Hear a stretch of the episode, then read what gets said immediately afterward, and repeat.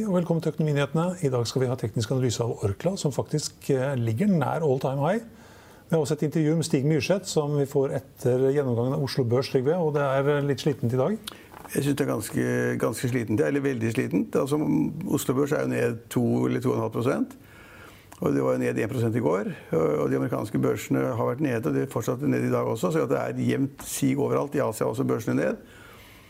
Så er, sentimentet er dårlig. Og er, de fleste land har liksom enorme mengder mennesker som er arbeidsløse, som ikke har inntekter, og som da går, står i kø for å få mat. Og, byer er stengt ned fortsatt, og det er ingen aktivitet, og folk får ikke, får ikke lønn. og det er ikke alle som er så heldige som i Norge. Så vi har da permitteringsordninger hvor staten overtar alle lønningene.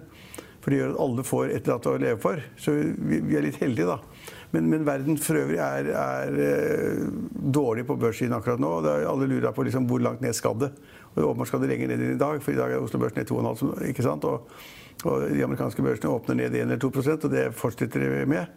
Så det er dårlige greier. Og så, kan man, øh, så Hva er det som skjer på Oslo Børs? Ja, jeg mener at det nå er oljen som der styrer det meste på Oslo Børs. Vi snakket om det i går, vi snakket om uh, før det også, faktisk. Men det er et krakk i oljemarkedet. Og det snakket vi om. Det var litt sånn merkelig å forstå det at disse mai-kontraktene på olje uh, at det var gratis å få olje nå. Uh, så i natt, de som fulgte med i går kveld, så det at oljen ble hadde en pris på minus 40, 40 dollar per fat. Altså, det er vanskelig å forstå. Det, men altså, det det går om, er at det er så mye olje i markedet i mai. Så mange kjøpere som da skal kjøpe oljen, som da på en måte ikke vil ha oljen lenger. De har kjøpt en fysisk kontrakt, og så vil de ikke ha den fysiske kontrakten. Hvis de får olje fra leverandørene, enten det er amerikanske produsenter eller Norge. Når de kommer med oljen skal levere oljen, så har kjøperne som skal ha den fysiske kontrakten, de har ikke plass til å lagre det. Og så vil de kvitte seg med olje, så selger de tilbake i markedet, slik at da de betaler andre folk for å få oljen, slik at de slipper den fysiske kontrakten. Og så må de som da kjøper, de må da ha et lagringssted, enten på land eller, eller på et annet sted, eller i, i tankskip. Tankskip, ja. ja. Mm -hmm. Men altså, det var altså negativ oljepris. Liksom, og det skyldes selvfølgelig at det er altfor mye olje. Ingen vil ha den, eller mange vil ikke ha den, de som da har avtalt å ta den. Og så må de bli kvitt seg med den oljen. Og så er det noen som fanger den opp, og da, for å fange den opp så vil, vil, vil, vil jeg betale for det. Det var en periode i går kveld, så du så på disse chartene, så så det helt sjukt ut.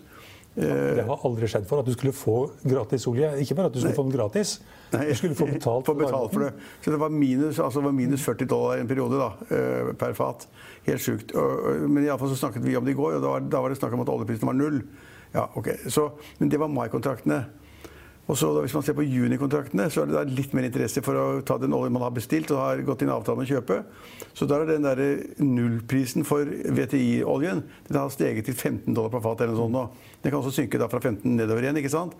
Og Samtidig så er da brentoljen, som angår Norge mest, som er det vi selger olje, av olje, den da lå jo på 4-5-26 dollar per fat. Den har vært under 20 dollar per fat. Så den oljeprisen, Brenten, er ned 20-25 i dag. Det er et krakk i olje. Den ligger under 20. Mm.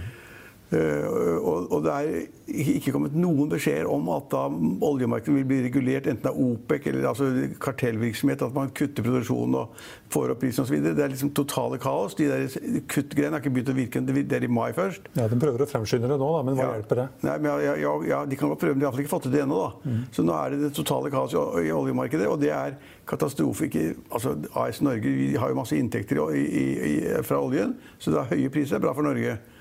Eh, og høye priser for oljeselskapene. Oljeselskapene bruker da mer penger på å drille rigger og mer penger på supply-fartøy og mer penger på masse andre leverandører til sine, til sine driftsområder. Nå kutter de jo alt. ikke sant? De kutter alt det snakket om i går også. De som da har leid inn rigger, de sier nei takk til riggene. De har de rigger, så forlanger de at ratene skal ned osv. Så, videre, og så, så hele oljesektoren oljesøvsektoren er nå i bånn, og det er krise og det er krakk i oljeprisen. Og det er ikke bra for norsk økonomi. Og, vi, og da ser vi også at uh, de såkalte oljeaksjene Equinor er ned 3-4 uh, Aker BP er ned 5-6 DNO er ned 5-10 uh, Altså Alt som har med olje å gjøre. Du ser også at RIG-aksjene er ned, og supply-aksjene er ned. Alt som har med olje er ned. for Dette hadde ingen forutsett, ingen tenkt seg. At vi skulle få den, det misforholdet mellom da produksjon av olje og etterspørselen etter olje. Og Da snakker man liksom nå om at etterspørselen etterspørsel etter olje har sunket med 30 millioner eller 35 millioner fat per dag. Ned fra 100. Mm. Altså Det er bare så katastrofe. På tilbudssiden så produseres det akkurat like mye som før. Og det er noen som sier at dette er noe som da Saudi-Arabia og Russland gjør på ren faenskap for å, da, å, å, slå ut da disse leverandørene i USA som driver med skiferolje. Jeg har ikke peiling på det, men oljemarkedet krakker i dag. Ja, og Hvis det fortsetter sånn, så må noen begynne å stenge snart? Stenge produksjonen helt? Ja, det, altså, det, Mange sier jo det at de, de, de amerikanske skiferoljeprodusentene, at de, de, de tapper, penger som, tapper penger som barakkeren akkurat nå. Og de er helt avhengig av en høyere pris. Men altså, foreløpig så kommer alle, alle meldingene de får, er jo at de produserer akkurat som før. Det er jo, så det, ja, det kan ikke fungere. Nei, nei, altså, Dette er et sånt typisk ja. chicken race. Men så, spør, så er et spørsmål som du stilte meg nå, som du ikke gjorde, men du skulle stilt. Det var det som er det noen som, tjener penger på dette her? Ja. Fordi det er altså da ikke lagerkapasitet i vanlige lagre for oljen, som da noen må ta. Mm. For de har en avtale om å kjøpe den oljen. Fysisk leveranse, heter det. Eh, og det er de tankskipene som jeg har snakket om veldig lenge. Altså Tankmarkedet er jo da slik at noen redere har da tankskip som da ikke frakter olje, men som de er tomme. Og så sier de OK, kom hit med de 300 000, 300 000 fatene og putt den her, og så kan du lagre så lenge du vil. Eller tre eller seks måneder. Normalt er de lagringskontrakter mellom tre og seks måneder. Uh, og det har gjort at tankratene er jo opp 10-15 i dag. Så Frontline er opp, Hunter er opp, og et par andre sånne litt mindre tankskipsselskaper er opp som barakkeren. Fordi at mange er villige til å betale mer for å leie et skip som skal ligge der fast i tiden fremover, i håp om at markedet blir bedre. At, ja. Ja, hvis du får oljen gratis, eller til og med får betalt for å ta imot oljen, da kan du lagre den ganske lenge? Da, da kan du lagre den ganske lenge, og da kan du spekke litt. Det er sikkert noen som gjør også. Så vi ringer de opp til Arne Frede og sier har en av disse tankbåtene dine som du kan gjøre med for en måned siden. Kan du leie meg det ut, så kan, kan, kan, du låne det til meg, så jeg kan da fylle det opp med olje. Og så lar jeg det ligge som lagringsplass. Mm. Så Det er den ene siden av det. Og så er det også da det at såkalte produkttankere, som ikke er rålige, da, men de olje som er i en eller annen form er foredlet, som kommer fra raffineriene etterspørselen etter den type tankskip også økt, slik at liksom hele tankmarkedet går rett Jeg vil ikke si rett opp, da, når ratene stiger 10-15% så er det ikke rett opp. Men det gjør at disse tankselskapene tjener penger. Det er positivt. Det er positivt. Så, så lenge det blir etterspørsel etter den oljen da, om noen måneder ja. eller et halvt år? Eller? Ja, og hvis du, får, altså, hvis du da får en sånn superkatango hvor at alle regner med det at prisene blir høyere om en stund, og så kan du da kjøpe billig nå og selge litt dyrere. Men hvis da alt kollapser to-tre måneder frem i tid, så er det, ja, da, da vet, jeg, vet jeg ikke hva som skjer. Nei, Da begynner det å høres ut som et lite ragnarok. Ja, det høres ikke bra ut. Um, skal vi ta et lite lyspunkt, da, kanskje? Lyspunkt i VNA. Nordic Semiconductor har lagt fram uh, en av de første som la fram kvartalstall i dag. Og det blir jo litt interesse rundt kvartalssesongen nå, vil jeg anta. Nordic Semiconductor de hadde en ganske pen økning, 33% på topplinja. Omsatte for 70 millioner dollar. Det er ganske bra for et norsk eh, teknologiselskap. Ja, det er bra. I tillegg så hadde de en positiv EBTA som var på 5,2 millioner dollar mot et underskudd på 0,7 i samme kvartal i fjor. Så de tjente litt, altså? Og de har en god ordrereserve. Veldig god reserve. Et selskap som tjener penger, da. Mm. Og har reserve, det er bra. Og fremheves eh, i en artikkel på finansavisen.no som en oppkjøpskandidat. Og har ikke da noe med olje å gjøre. Nei. ikke med olje, ikke med turister, ikke med hoteller, ikke med flyselskaper. Det er ned 5% så langt i år, da, men opp 46% siste måned på Oslo Børs. Ja, det, er, ja. det, er bra, det er bra lyspunkter. Og det er noe som ikke er lyspunkter, er flyselskapene. Se på kvelden. altså Kursutvikling. Stiger 1 da? Ja, 1% ja. Men fra 5 kroner og et eller annet. Ja. Sånn, ja. Men de store internasjonale flyselskapene har jo akkurat samme problem som Norwegian. Mm. Flyene står på bakken. De har ekspandert altfor stort, fort, selvfølgelig. Lånt masse penger av fabrikantene og da, uh, selskaper som er laget for å finansiere flykjøp. Fordi den står stille, tjener ikke penger, og det er ikke et flyselskap i verden som ikke er så langt fra konkurs. Og de fleste flyselskaper i verden krever eller forlanger da statene hvor det er lokalisert, skal da hjelpe dem. Selv han der Branson i Virgin krever nå statsstøtte. Og det kan, får kanskje noen, og noen får det kanskje ikke. Men altså, de fleste flyselskaper i verden er konk. bare for å ha sagt det. Så man kjøper ikke aksjer i flyselskaper nå. Det er bare liksom, Overlever du, eller overlever du ikke? Så det er, det er katastrofe innen da, den, den, næringen. Og, og, det blir jo ikke noe bedre før man begynner å fly igjen. Men altså, hvor raskt vil folk begynne å fly? Altså det, det, ja, okay. Så det er, det er, morsomt å se sånne sektorer som er helt håpløse. Og så har man det Amerika hatt da, disse Nasdaq-aksjene som har gått ganske fint. og Nasdaq-indeksen har gått opp. Fordi man har hatt fenomenale selskaper som er sånn skaleringsselskaper som da Amazon og Netflix og Apple og de selskapene. Hvor de liksom har ideer, har systemer, skalerer opp, tjener masse penger. Pengene renner inn, og så drar de da indeksen opp. og så ser man ikke da at de andre indeksene, Dow Jones eller de andre, faktisk er krise. Krise. Ja, det er noen få, noen få vinnere, og som ja, kanskje, kanskje får bli vinnere. Um, vi, vi, skulle snakke så litt om Nicolai Tangen i går. Du må gå om et minutt, vet jeg. Men um, han river vel av den stormen her, og det blir vel ikke noe mer tull nå, gjør det det, tror du? Eller? Nei, men det er et godt spørsmål. Altså, det altså, I dag kommet frem det at han da har en yacht. Du må få lov til å ha yacht hvis du er Avslørte den faktisk på direkten i går. Hva? Ja, han avslørte det på direkten Ja, i går. han har en yacht altså 100 meter lang, eller hva vet jeg. Men i alle fall, så, når du har 12 milliarder kroner, så har du råd til en seilbåt også. Og så har han lånt bort det til en da, tidligere ordfører i Kristiansand. Ett år etter at denne mannen gikk av som ordfører. da. Altså Ikke da for å smøre han, men det er en god venn. Han, altså, han er åpenbart veldig sjenerøs. Og denne turen var sjenerøs osv. Det kommer frem så mye surr hele tiden som ikke er alvorlige, ikke store ting, men som på en måte kommer til å plage han. Så, øh, og, og det, dummeste tilfellet er det jeg mener er at statsråd Røe Isaksen var på dette sem- seminaret i USA, Philadelphia.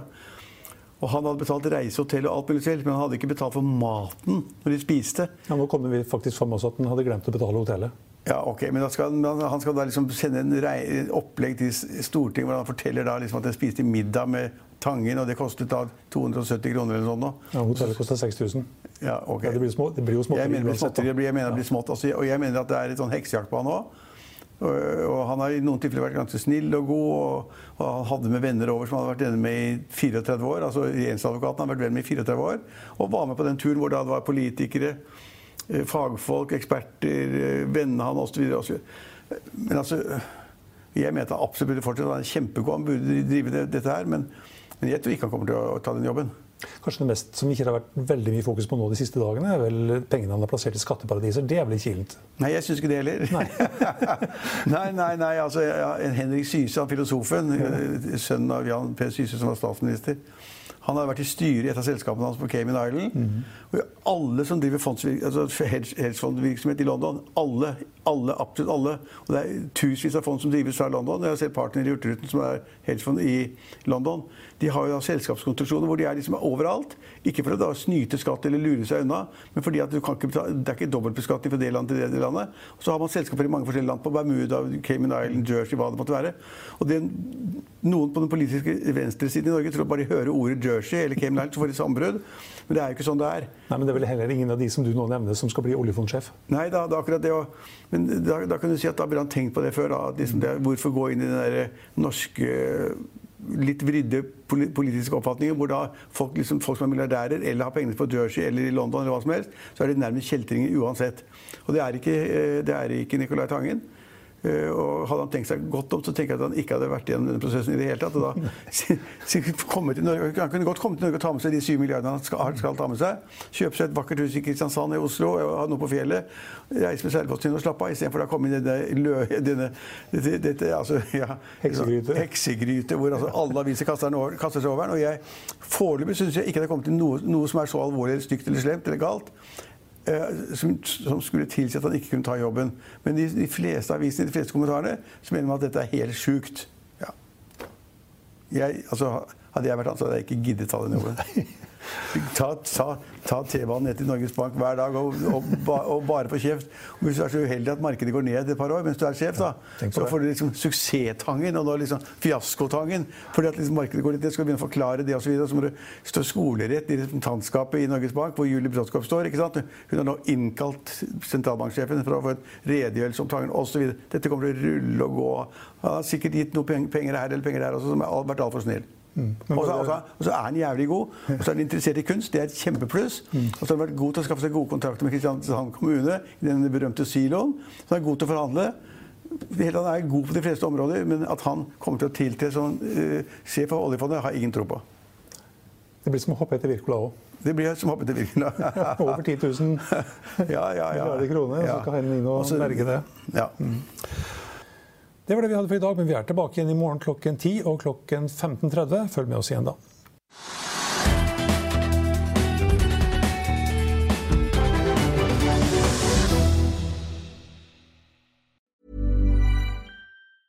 Hey, it's Danny Pellegrino from Everything Iconic. Ready to upgrade your style game without blowing your budget? Check out Quince. They've got all the good stuff shirts and polos, activewear, and fine leather goods, all at 50 to 80% less than other high end brands. And the best part? They're all about safe, ethical, and responsible manufacturing. Get that luxury vibe without the luxury price tag. Hit up quince.com slash upgrade for free shipping and 365 day returns on your next order. That's quince.com slash upgrade. Økonominyhetene er en podkast fra Finansavisen. Programledere er Marius Lorentzen, Stein Ove Haugen og Benedikte Storm Bamvik. Produsenter er Lars Brenden Skram og Bashar Johar. Og ansvarlig redaktør er Trygve Hegnar.